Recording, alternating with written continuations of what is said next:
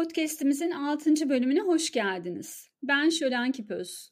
Bu bölümde arkadaşım Hatice Gökçe ile modanın belleğini ve unutkanlığını, tarihsel kırılmalarını konuşacağız. Merhaba Hatice. Merhaba Şölen ve dinleyicilerimiz. Sohbete moda geçmişe nasıl bakıyor, geçmişten nasıl besleniyor sorusuna cevap arayarak başlayabiliriz bence. E, modayı belirli bir dönemde belirli bir sosyal grup tarafından izlenen bir yenilik olarak düşünebiliriz. Ama Baudelaire'in söylediği gibi tüm modalar hoş ve çekicidir sözü size fazlasıyla mutlak görünüyorsa her moda bir zamanlar meşru biçimde hoş ve çekici olmuştur derseniz yanılgıya düşmeyeceğinizden emin olabilirsiniz. Burada hoş ve çekici olma özelliği yeni olma özelliğini ifade etmektedir. Gerçekten de modanın değişmeyen doğası yenilik tutkusudur. E, iktisadi mantığı da bunu güçlü biçimde destekler zaten. Yeni olma özelliği bugüne ait olma, bir öncekinden, geçmişte kalan modadan farklı olma halidir aslında. Moda daima yeni kalabilmek için yapay eskitme yöntemiyle sahip olduğumuz ve kullanmakta olduğumuz giysinin modası geçmiş olduğuna bizi ikna ederek hızla yeni görünümle değiştirilmesini talep eder. Ancak yeni olarak bize sunulan bir öncekinden radikal bir biçimde farklı ve değişik değildir aslında. Onun bir parça değiştirilmişidir sadece.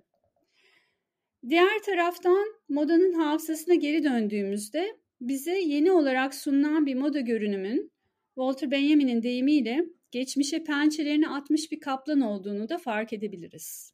E, moda geçmişe nasıl bakıyor, geçmişten nasıl besleniyor sorusuna sınıf farklılığı kuramından bahsederek de cevap verebiliriz e, Şölen. E, Veblen ve sosyolog George Simmel'ın penceresinden bakarsak bu kuramı moda bir ürünün toplumdaki üst tabaka tarafından kullanıldıktan sonra toplumun daha alt tabakalarının kullanmaya başlamasıyla üst tabakanın kendilerini yeniden farklı bir görünüme büründürmeleri isteği temeline dayandırıyorlar. Üst tabaka kendini farklılaştırmak için modayı kullanıyor. Bu moda alt tabakaya inip onların kullanmaya başlamasıyla üst tabaka için etkisini yitiriyor ve yeni moda ile farklılaşmayı seçiyor.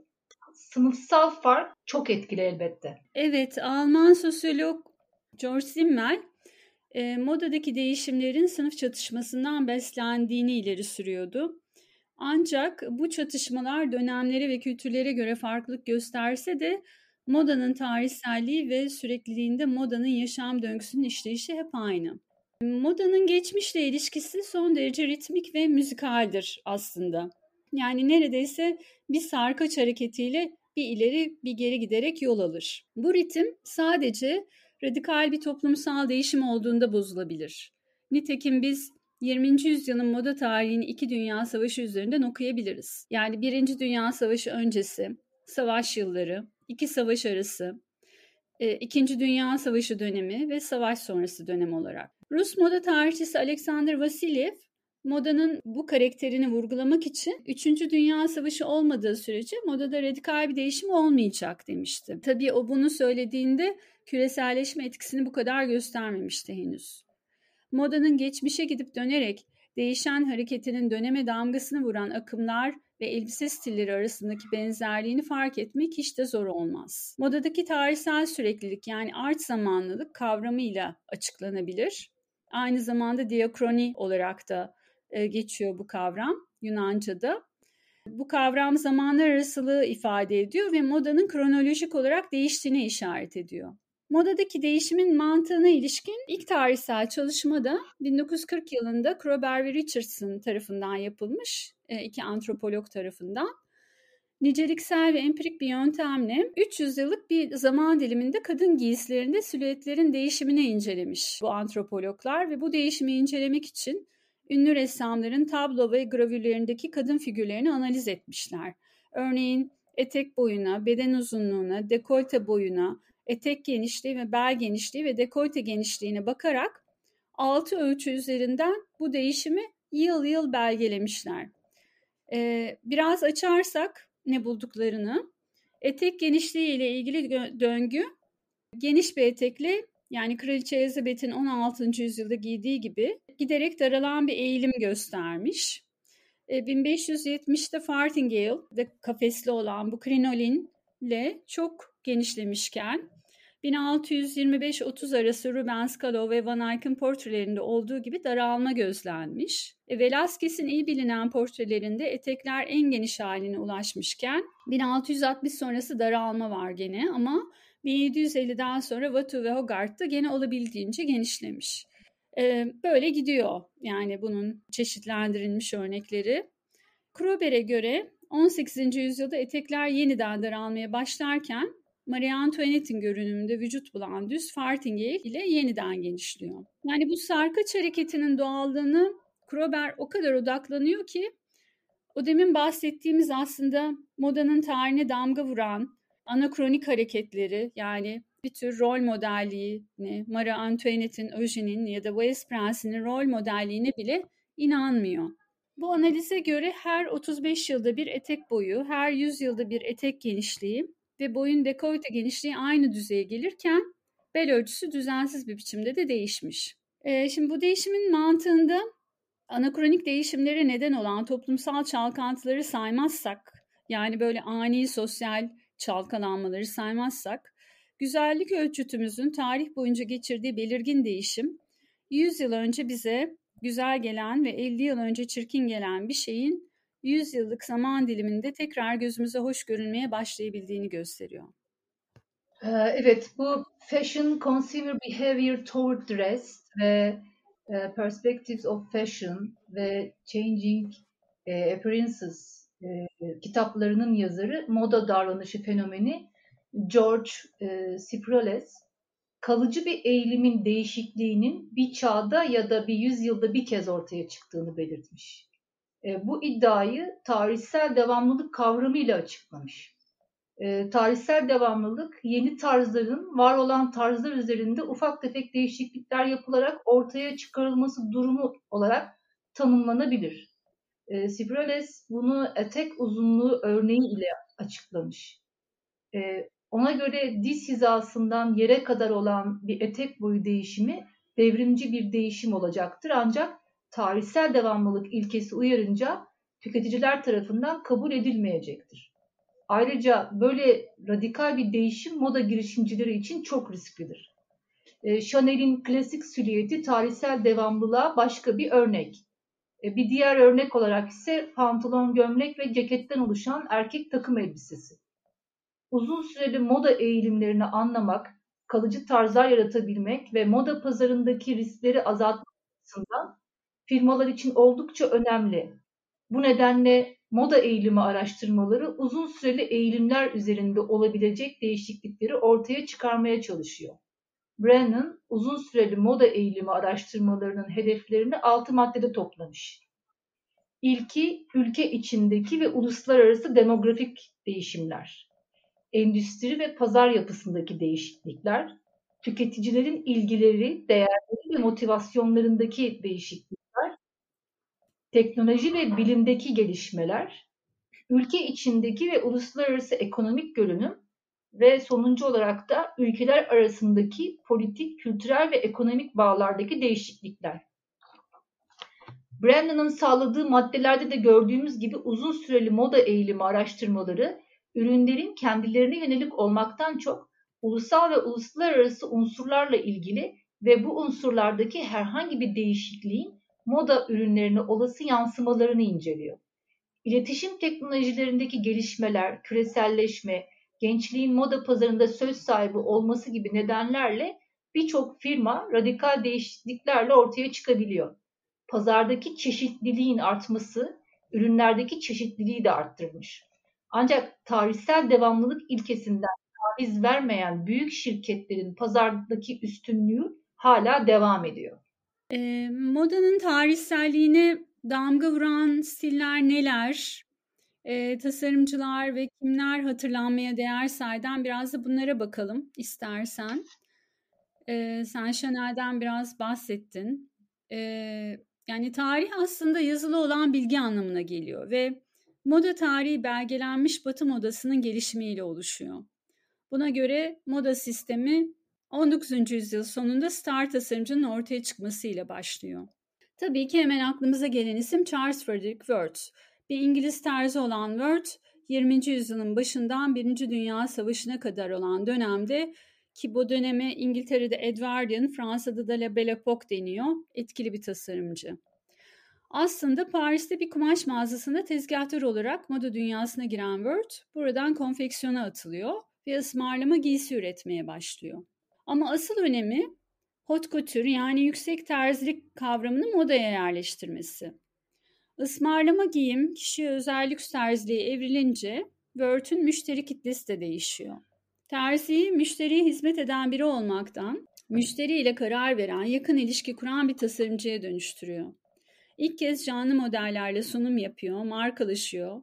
1870'te kendi moda evini açıyor. Vitrin mi parfüm deniyor ama daha önemlisi tasarımcıların haklarını koruyan Chamber Syndical de la Couture Parisienne'in de kuruculuğuna ön ayak oluyor.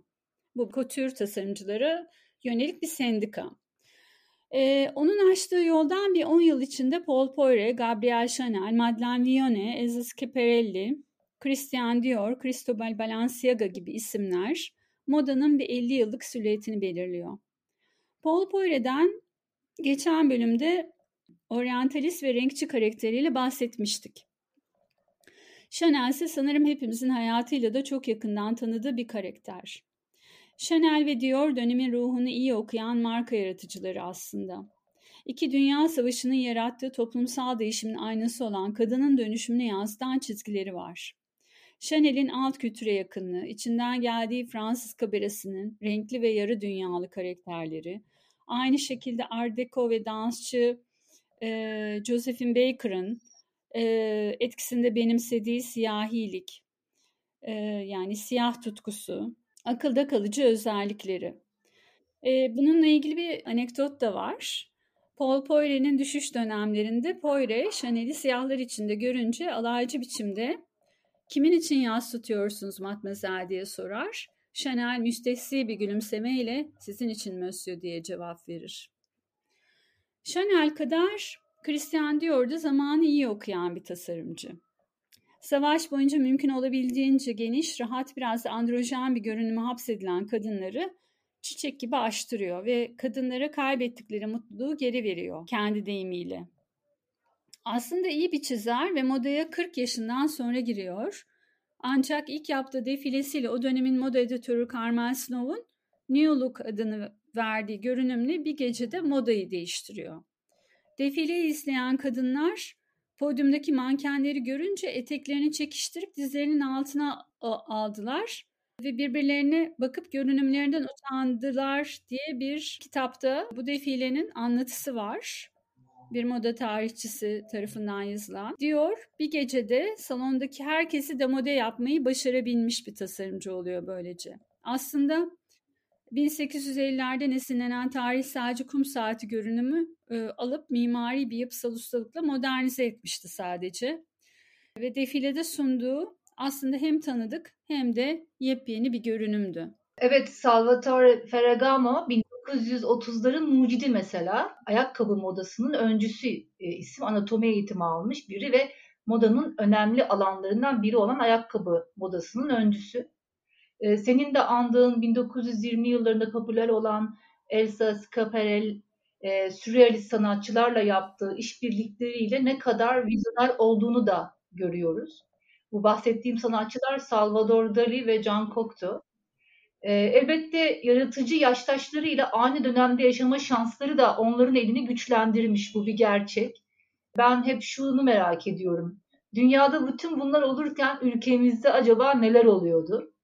Ee, biz uzun süre öyle görünüyor ki modayı Avrupa'dan takip etmişiz. Ee, edebiyatta bile izlerini görüyoruz. Ee, mesela Recaizade Mahmut Ekrem'in 1896 yılında yayınladığı Araba Sevdası'nın ünlü karakteri Bihruz Bey'i biliyorsun. Alafranga erkeğin Türk edebiyatındaki en büyük sembollerinden biri olarak anılıyor. Bir bölüm var, orayı okumak istiyorum. Ee, yaklaşık 23-25 yaşlarında yuvarlak yüzlü, sarı benizli, ela gözlü, siyah saçlı, az bıyıklı ve güzelce giyinmiş bir bey olan Bihruz, iki sandalyeden birine kendi oturup diğerine yakasındaki terzimir etiketini yakından geçenlerin görebileceği şekilde pardösüsünü koyar. Nitekim bazı kişilere mire diktirdiğim bal rengi pardüseyi vestiyerden getir cebinden bir şey alacağım diyerek çevresindekilere terzilerinin adını duyurmaya çalışır. Recaizade Mahmut Ekrem'in Terzimir diye bahsettiği karakter birçok Tanzimat romanında geçen bir kişiymiş. E, farklı isimlere sahip gayrimüslim ve Leventenler bu alafranga karakterlerin gitmeyi sevdiği terziler veya dükkan sahipleri olmuşlar. E, tabii ki dönemin moda merkezi Beyoğlu ve mağaza ve dükkanlara sahip bu terzilerin arasında Terzimir, işte başta gelen Kotera, Butter, e, Can Bedenyan ve Altın Makas önde gelenlermiş. E, bu terziler alafranga tarzı benimseyen erkeklere İstanbul'da kullanılan Avrupa modasının önemli parçaları olan setre, redingot, sako, pardöse ve dar pantolonları dikmişler. Yani e, anlaşılan bu dönemde ülkeden dünyayı etkileyen böylesi tasarımcılar yok gibi. E, modayı biz Avrupa'dan ithal ediyormuşuz. Öyle anlaşılıyor edebiyata bakarsak. Sanırım uzun sürede böyle olmuş. Evet. Aslında Türk modasının gelişimini ele alacağımız ayrı bir bölüm yapmalıyız diye düşündüm sen bunları anlatınca. Tanzimattan başlayarak gelişen modernleşme sürecinin Cumhuriyet dönemine taçlandırılması. Yani sadece ulusun değil giyim kuşam kültürünün de önderi Mustafa Kemal Atatürk, kız meslek liseleri, olgunlaşma enstitüleriyle başlayan o serüven. Ama biz e, burada biraz daha bugün kavramlar üzerinde konuşmaya devam edeceğiz gibi gözüküyor.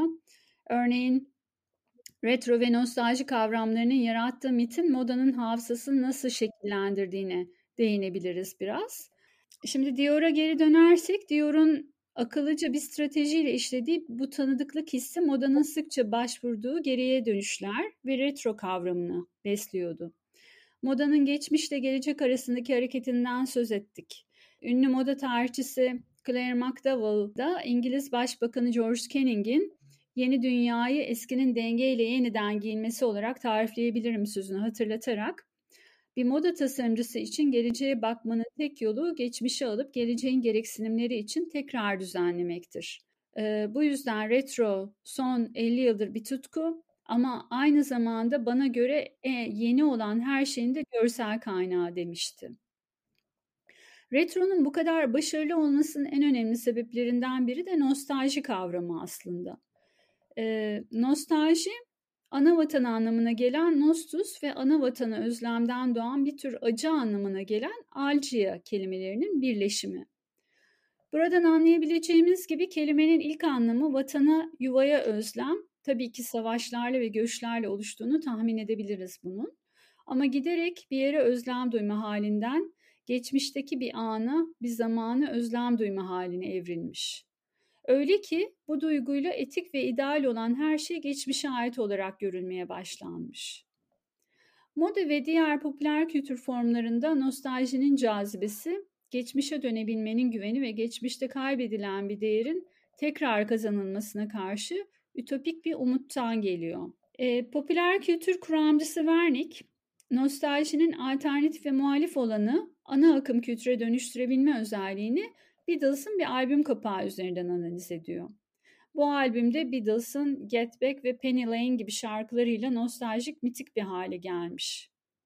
Çünkü aslında bu beat etkisindeki İngiliz rock grubunun böylesine popüler olması ki biliyoruz ki dünyanın en çok satan şarkılarını yazmışlardı.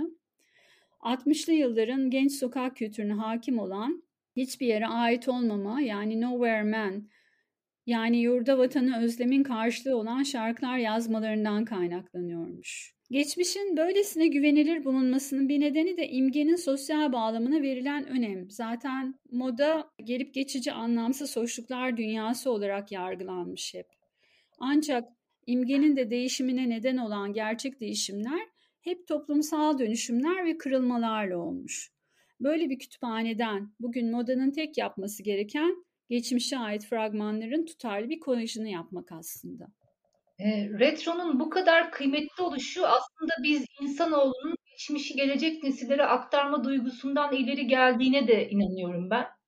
E, moda tarihiyle ilgilenenler bilirler, yeni sandığımız birçok şeyin aslında yeni olmadığını, geçmişte yapılanların farklı bir biçimde, belki teknikte yeniden hayata geçirildiğini, Yeni fikirler bazen eski sunum biçimleriyle de sunuluyor. Böylece yeni ile eski iki yönlü buluşuyor ve buluşmadan da çeşitli yenilikler üretilebiliyor.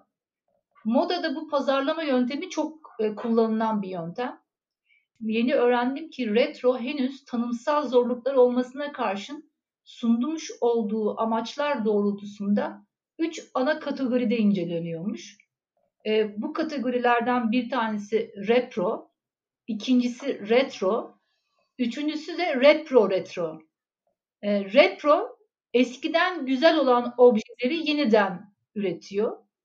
Retro yeni ile eskiyi birleştiriyor. Repro retro ise nostaljiden başlayarak geliştirilmiş ürünleri simgeliyor. Repro retroya neo nostalji de e, deniliyormuş. Retro öğelerini anlayabilmek için nostaljiyi bilmemiz galiba şart. E, retro ürünler üstün fonksiyonlara sahip eski biçimleri birleştirerek geçmiş ile şimdiki zamanı uyumlaştırıyorlar. Bu haliyle retro üzerinde çalışma yaparken nostaljiden yararlanıldığını söylemeliyiz. Burada nostalji objeler, resimler, kokular, müzikler veya filmlerle geçmişe dönme arzusu olarak tanımlanmışlar. Nostalji duygusal tepki oluşturma özelliği sebebiyle tüketicilerin fantazilerini, anılarını yakalamaya çalışıyor. E, zaten tüketici olarak bu tür pazarlama stratejilerini buradan yakalanıyoruz bence. Evet. Modanın yani geçmişle ilişkisinde tabii bu modernlik, postmodernlik arasında olma hali de var. Belki de bir tür sıkışmışlık hali diyebiliriz aslında buna. Modernitenin kurucusu Baudelaire'e göre sanatçı, şair ya da flanör dediği gezgin, geçici olandan ebedi olanı damıtan kişi. Ona göre modern ne geçmişe ne de geleceğe bakandır. İçinde bulunduğumuz anı bugüne ışık tutandır. Modernlik aynı zamanda gelip geçicidir, kaygandır ve güvenilmezdir. Yani kaçırdığında elinden kayıp gideni ifade eder tıpkı moda gibi. Dikotomi, kararsızlık, tekinsizlik, çift anlamlılık. E, modanın uzlaşmaz doğasına ne kadar uygun olan tanımlar bunlar. Benzerlik ve biriciklik, utanma ve baştan çıkarma, asilik ve aidiyet, yenilik tutkusu ve çekincesi, geçmiş ve gelecek arasında kalma durumu. Baudelaire'e göre moda o anın ve günün ruhunu, estetiğini en iyi anlatan araçtır aslında. Modern hayatın ressamında sanatçı ilk kez hızla tanışır ve bir gece öncesinin hafızasını kaybetmeden hızlıca kağıda döker. Modernlikte hafıza güncelin hatırlanması ve aktarılmasına yöneliktir, geçmişin değil. Modern güncelin ihtiyaçlarından beslenir, maddesel gerçekliğe dayanır. Peki ya postmodern? Ne yapar? Postmodern ise geçmişten beslenir. İmge ve sembollerden güç alır. Kullanım değerini ve değişim değerinin yerini sembolik ve anlamsal değeri alır. Postmodern filozof Baudelaire'e göre mini eteğin midi eteğe karşı özgürleştirici bir pozisyonu olmasaydı moda açısından bir anlam taşımayacaktı örneğin. Geçmişe yaslanma konusunda postmodernite bazen bir başka dönemin fragmanını kopyalayan pastiş yaratacak kadar da ileri gider. Yani buradan yakalayacak olursak, e, devam edecek olursak e, konuyu, nostalji ve retro uyarlamalarda aslında risk görünüyor. Frederick Jameson'a göre. Yani görsel imge yaratıcılarını geçmişin stillerini parçalayarak ve irrasyonel biçimde taklitlerini yeniden üreterek kullananlar olarak eleştirebiliriz ona göre. Bu yüzden geçmiş ölü tarzların bir araya getirilip saklandığı ve gerektiğinde oradan alınıp kullanıldığı bir depo ya da müze olarak görünür bize. Blade Runner filmini hatırlayalım örneğin. Bu bahsettiğimiz pastiş yani alıntıları dramatik biçimde görürüz orada. Replika ve kostümlerin görünümü, post-endüstriyel kültürün yarattığı bir geri dönüşüm estetiği yaratır. Postmodern estetiğin başka bir metodu da retorik bir amaçlı tasarımcının tarzı mizahi biçimde e, taklididir. Gene moda tarihçisi McDowell'a göre bir karikatür gibi orijinal tarzın güçlü yanlarını abartarak hem orijinali hem de kopyayı zayıflatan ve aslında modada yaratıcılık açısından riskli bir noktadır bu ve tabii bunu John Galliano'da da çok fazla gördük çağdaş moda tarihinde. Aslında yaratıcı dehanın tehdidi bazen kendisini çok ciddiye almamasıyla da sonuçlanabilir. genellikle burada kiç yani yoz beğeni diyebileceğimiz ama aynı zamanda eğlenceli bir tarz ortaya çıkarır. Ee, ve bu tarz yaklaşımlar popüler kültür açısından hep ilgi çekici ve kışkırtıcı görülmüştür aslında. Bugün Jeremy Scott'un popülist genç ve eğlenceli yorumuyla devam eden Moschino markası, yaratıcısı Franco Moschino ile ekmek yediği modayla ve tarihiyle neredeyse alay eden, oyun oynayan çarpıcı sürrealist bir dil yaratmıştı hatırlarsak. Senin de başta söylediğin modanın geçmişle ilişkisindeki bu modernlik, postmodernlik arasında olma halini söylemiştin ya. Evet, benim düşüncemde sıkışmış oldu, olduğu yönünde. E, arada çok iyi isimler çıkıyor ama yozlaştığı da bir gerçek.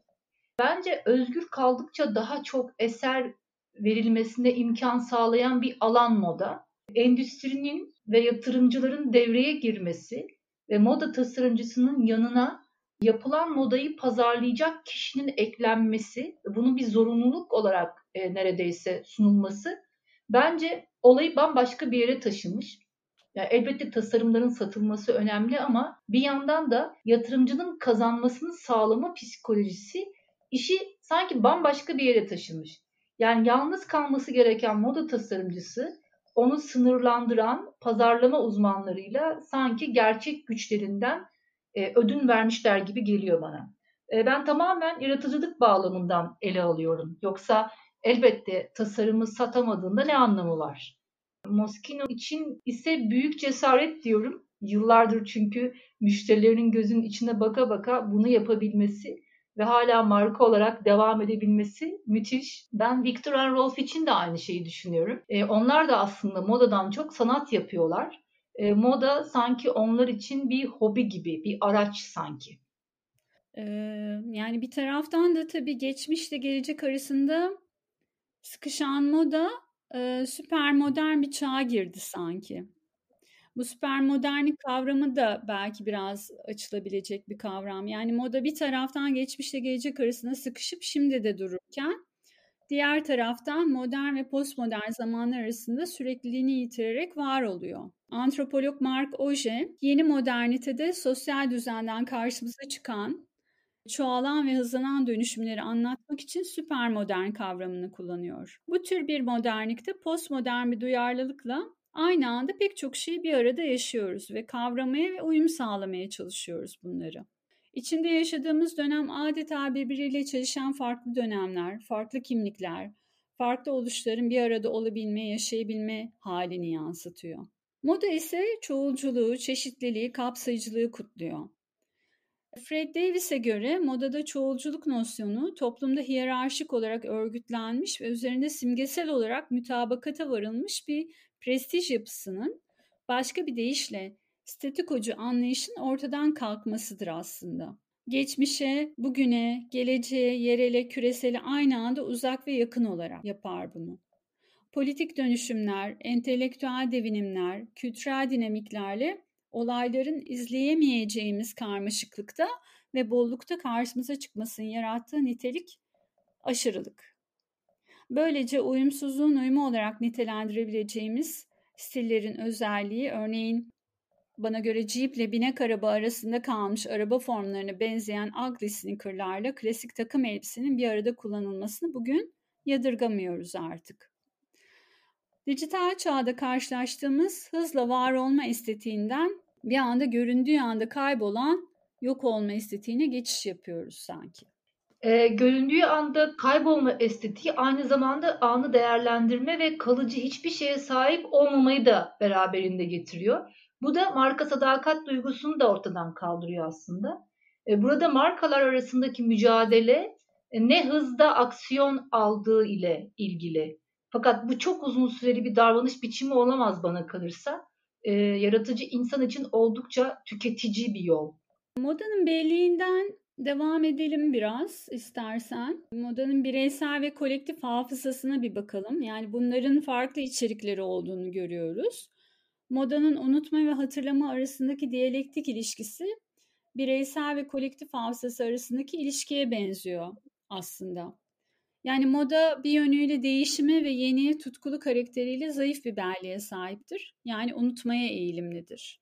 Modanın doğasıyla sık sık özdeşleştirilen gelip geçicilik ve biteviye yenilik anlatısı bizi bu ana kitleyerek geçmişle aramıza mesafe koymamıza ve unutma arzumuza işaret eder. Harika James Fashioning Memory adlı kitabında bu söyleme devam ederek diyor ki her yeni moda mirasa karşı bir duruş ve bir öncekinin baskısından sapmayı beraberinde getirir. Burada biraz tabii Roland Barthes'ı da hatırlayabiliyoruz.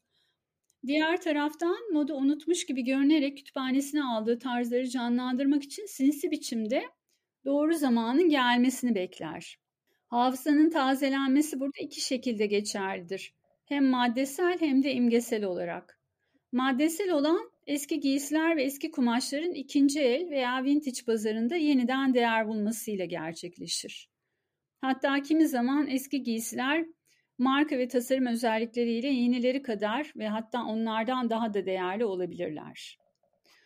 Vintage terimi e, zamanda geriye gitmek anlamına gelirken eski ve ikinci el giysiler özellikle 60'lardaki hippie hareketinin de etkisiyle yeni modaları alternatif bir statü kazandırdı. Bu anlamda kültürel olarak gerileme, yaratıcılık yoksunluğu, pastiş, ironi ve geçmişe duygusal olmayan bağlanma ile özdeşleştirilen retro kavramından da ayrıldı. Özellikle de gençler tarafından benimsenen bir akım olması ve sokak kültürünün bir parçası olma dolayısıyla vintage farklı bir yere konumlandırıldı. Retro ise modanın imgesel hafızasından beslenirken geçmiş modaların kalıcı etkilerini bulanıklaştırarak yerini sağlamlaştırıyor. Mümkün olabildiğince fazla geri dönüş yaratarak eskiden alıntılanan yeni arşivini genişletmek için adeta bir e, çaba gösteriyor. Sadece hatırlayabildiğimiz oranda zaman içinde var olabilir ve diğerleri ile olan ilişkilerimizde zaman ve mekan düzleminde kendi deneyimlerimizi inşa edebiliriz. Anılarımızı paylaşmak, hafızamızı aktive edip paylaşmak bizi biz yapan şeydir aslında. Giysilerle olan ilişkilerimiz de yaşanmışlıklarla doludur. E, Chanel'in eski giysiler eski dostlar gibidir sözünü anımsayabiliriz burada. Dilek İmam, anımsama durakları olarak Giysiler adlı yazısında giysiler hakkında konuşmaya başladığınızda o diyaloğun sonunda aile hikayeleri, olaylar, ilişkiler, duygular, özlemler, öfkeler, davranışlar, inançlar, düşünceler gibi çok katmanlı anlam dünyası çıkar diyor. Bu sadece o giysiye dokunduğunuzda değil, bazen fotoğrafına baktığınızda bile olur. Diğer taraftan giysiler giyildikleri bedenlerin hafızasını alabiliyorlar. Onların şekline bürünebiliyorlar. Belki de bu yüzden sevdiğimiz, hayranlık duyduğumuz insanların giysileri değerlidir bizim için. Örneğin Avrupa aristokrasisinde hizmetkarların efendilerinin giysilerini giymeleri onların kişiliğinin bir bölümünü bedenlerini almalarının bir göstergesi olmuştur 19. yüzyılda. Moda farklı sosyal dengelerin gözetildiği bir alan olmuş hep. Mesela Blumer'in e, kolektif seçme yaklaşımına karşılık e, tabana inme kuramı gündeme gelmiş. Buna göre moda öncülüğü üst sınıflarla sınırlandırılmamış, bireylerin beğenilerinin kesiştiği bir kolektif seçim süreci olarak görülmüş. E, Simel'in iddia ettiği gibi modanın belirleyicisi bu sınıflar değildir. E, olanakları sayesinde modanın geliştiği alanın ilk uygulayıcısıdırlar. E, bu süreçte birçok yeni tarz üretiliyor. Tüketicilerin beğenileri bu tarzların bir kısmında toplanıyor ve yeni tarz moda oluşuyor. E, Fred Davis, Blumer'in bakış açısına şöyle açıklık getirmiş. Bireylere simgesel önem taşıyan bir şeylerin iletilmekte olduğu ve bu iletişimin bir etkileşim süreci içinde gerçekleştiği, süreç ilerleyip yayıldıkça da anlamların hem yerleşip kesinleştiği hem de değişime uğradığı şeklindeki kavramsal bakış Blumer'in kesin biçimde benimseyip derinden hissettiği bir bakıştır. Davis'in aktarımıyla Blumer modadaki değişimin özünü şöyle dile getirmiş. Moda elit grup ondan vazgeçti diye değil, gelişmekte olan beğeniye daha uygun yeni bir modele yerini bırakarak ortadan kaybolur. Moda mekanizması sınıf farklılaşması sağlamaya yönelik bir ihtiyaca karşılık vermek üzere ve bir sınıfın taklit edilmesi şeklinde ortaya çıkmaz. Modaya uygun davranma, kabul gören doğrultuda olma, değişim halindeki bir dünyada ortaya çıkan yeni beğenileri ifade etme arzusuna karşılık olarak ortaya çıkar. E, Blumer'e göre kolektif seçimle modanın yayılımında modayı ilk kullananlardan tarihsel devamlılığa, zamanın ruhundan kitle toplumunda kolektif beğeniye kadar birçok değişken var. Blumer, e, kolektif seçim kuramında moda mekanizması ile ilgili dört özellikten bahsediyor. Bunlardan ilki modanın tarihsel devamlılığı. Her moda öncellerinden meydana geliyor. Aynı zamanda moda, moda yönelimi kavramı doğrultusunda bir süreklilik içinde ortaya çıkıyor. Bir başka özellik de modanın modernlikle olan ilişkisi. Moda her zaman çağının ruhunu yansıtan kolektif bir beğeni. Kolektif seçim kuramı için ayırıcı bir özellik olmasının yanında kuramın en belirsiz özelliği de budur. Davis de kolektif seçme kuramındaki bu belirsizliğe dikkat çekiyor. Kolektif seçme kuramında belirsizlik gibi daha genel bir sorun söz konusudur. İster gerçek birer analiz aracı olsun, ister bu işlevi gördükleri öne sürülsün, moda sürecinin evreleri ayrı ayrı belirtilip tanımlanmamıştır. Baş aktörlerin kimler olduğu hiçbir yerde açıkça belirtilmez. Varlıkları hissedilebilirse de kavramsal bir karanlıkta salınan görüntüleri seçilememektedir. Araştırmacının hedef alabileceği kesin, kesin biçimde şekillenmiş silüetler değildir bunlar. E, sınıf farklılaşması gibi kolektif seçim kuramı modanın sosyal benimsenme biçimlerini açığa çıkarmıştır.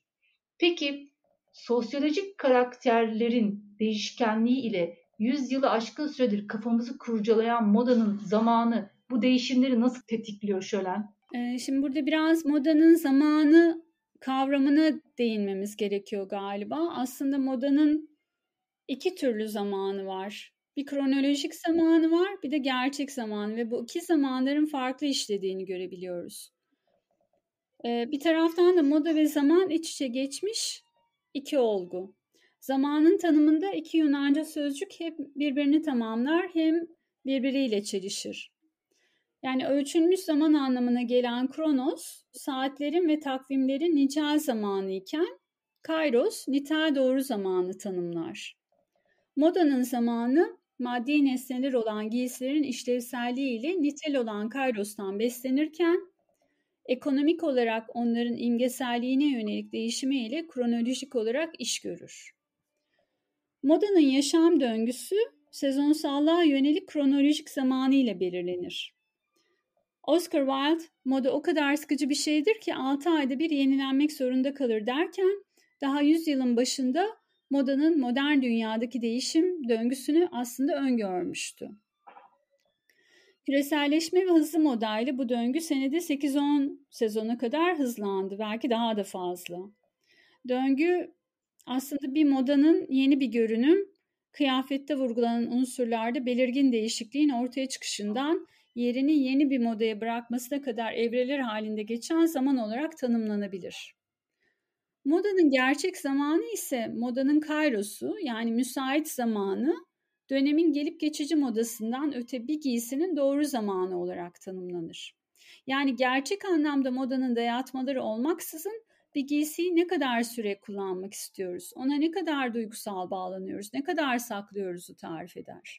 Modada yavaşlık da bu anlamda giysilerin gerçek zamanını saklamaksa, yavaş moda uzun vadeli ilişkiler kurabileceğimiz giysileri tasarlamakla ilgilidir aslında. Modanın zamansallığına işaret eden kısa süreli moda eğilimleri ise genellikle bir sezonda modaya etki eden güncel olayları, popüler kültür ve benzeri olayları kapsıyor. Kaiser ve Grener'in belirttiğine göre yeni bir film, yeni bir müzik grubu, yeni bir televizyon programı yeni bir moda eğilimini tetikleyebilmekte. E, Ciproles ise kısa süreli moda eğilimlerinin birkaç sene içinde sona erdiğini, bazen de bu eğilimlerin 5 yıldan 10 yıla uzayabildiğini belirtmiş. E, kısa süreli moda eğilimleri FED kavramı çerçevesinde şekillenmekte. E, FED sözcüğü Türkçe'ye geçici moda olarak uyarlanmış. Burada geçici moda ile kastedilen tarihsel süreklilik ilkesinden ayrılan ve moda giyim ürünlerinin o dönem içindeki eğilimlerinden farklılık gösteren ürünler olması. Cipreles geçici modanın nüfusun küçük bir bölümü tarafından ya da sadece tek bir alt kültür tarafından kabul edildiğini söylüyor. bu eğilimin başlama ve bitiş süresi genellikle birkaç hafta ya da birkaç aymış. E, bu noktada modanın zamanlılığına direnç göstermek mümkün mü Şölen? Evet e, aslında mümkün yani e, yavaşlatarak e, ya da yavaş modadan söz ederek bunu yapabiliyoruz, bunu düşünebiliyoruz ama bir taraftan modanın zamanlılığı modanın güncelle olan ilişkisini işaret ediyor.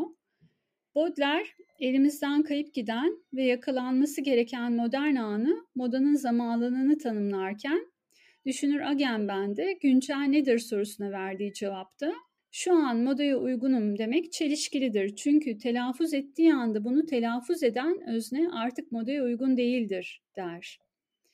Elizabeth Wilson'da her gün giydiğimiz giysileri seçme sebebimiz içinde bulunduğumuz anı tamamlamaktır. Moda şimdi ile ilgilenir. Geçmişle ya da hafıza ile ilgilenmez. Aslında modanın içinde kalmak için bugün göründüğümüzden bizi daha farklı yapan geçmişten gelen herhangi bir anıyı silme eğilimindeyizdir der. Ve diğer taraftan tabii bir giysiyi modası geçmiş retro ya da vintage yapan anlayışta da bir tür zamanlık vardır. Peki bir giysiyi veya modayı zamansız yapan şey nedir? Yani tam da bu senin hani sorduğun sorudan devam edersek. Zamansızlık bir şeyin özgünlüğü, otantikliği, biricikliği ve Walter Benjamin'in deyimiyle aurası ile mi ilgilidir? Yani aynı yerde ve aynı anda bir arada olan değerle mi ilgili? Aidiyet ve kimlik unsuruyla mı ilgili yoksa zamana karşı test edilmesi, denenmesi, gözlenmesi gereken bir değer midir zamansızlık? Bazı modaların kalıcı stiller haline gelmesinde ya da klasikleşmesinde sanırım böyle bir kazanım var aslında. Modanın sezonlarını aldırmadan tasarım yapabilmenin dayanılmaz özgürlüğünden söz etmek mümkün mü? Bazı tasarımcılar her sezon koleksiyon sunsalar da modanın damgalanmalarından etkilenmeyen yatırım değerinde zamansız giysiler yapabiliyor. Yamamoto gibi e, gene hani hatırlayabiliriz. Tabii senin de burada e, çok önemli bir duruşun var. Bunu açacaksın diye düşünüyorum. Diğer taraftan döngünün içinde kalmak her sezon koleksiyon sunmayı gerektiriyor. Victor Rolf örneğin 1996'da bir sezon Paris Moda Haftası takviminde yer almasına karşın bu sezon grevde izleyip pankartlarla izleyicileri şok etmişti. E, modanın saatini durdurmak sonra yeniden başlatmak bu anlamda tasarımcılar için çok ciddi ekonomik riskler de barındırıyor. Bugün sürdürülebilirlik kaygısı pandeminin de etkisiyle pek çok markayı sezonsuzluk, yavaşlık söylemine çekti. Bir taraftan sorumlu ve uzun soluklu yavaş moda modeli, diğer taraftan döngüsellik odaklı, önceki koleksiyonların ileri dönüşümüyle üretilen giysiler daha zamansız bir moda ya da modanın gerçek zamanını yeniden yaratma potansiyeline sahip gibi görünüyor şu anda bu çerçeveden baktığımızda.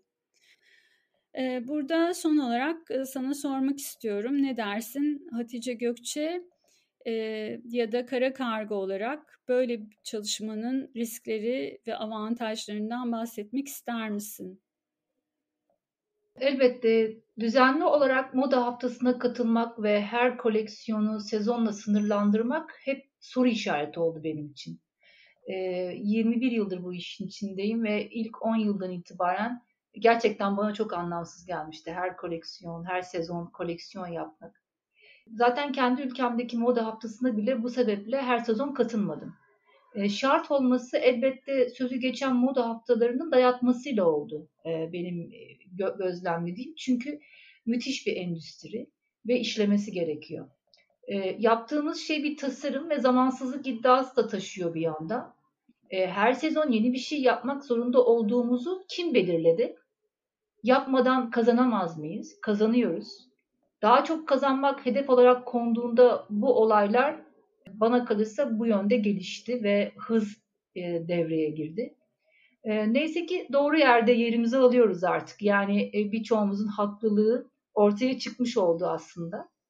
Aslında şu sıralar tarihe tanıklık ediyoruz. Çünkü tam da değişim zamanları. Pandemi aynı savaş yıllarının etkilediği gibi bizi etkiliyor. Moda dünyasını da etkiliyor tabii ki. E, dünyayı geniş bir kitleyi etkilemesi açısından benzer değişim özelliklerini taşıyor.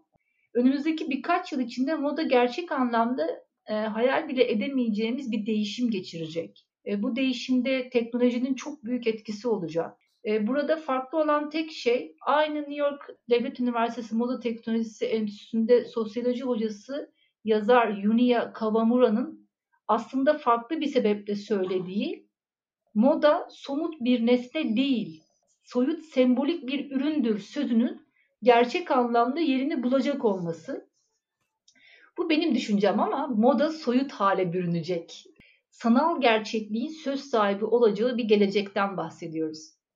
Elle tutamadığımız, somut olmayan, gerçekten soyut olan bir modayı konuşacağız, takip edeceğiz, hatta kullanacağız.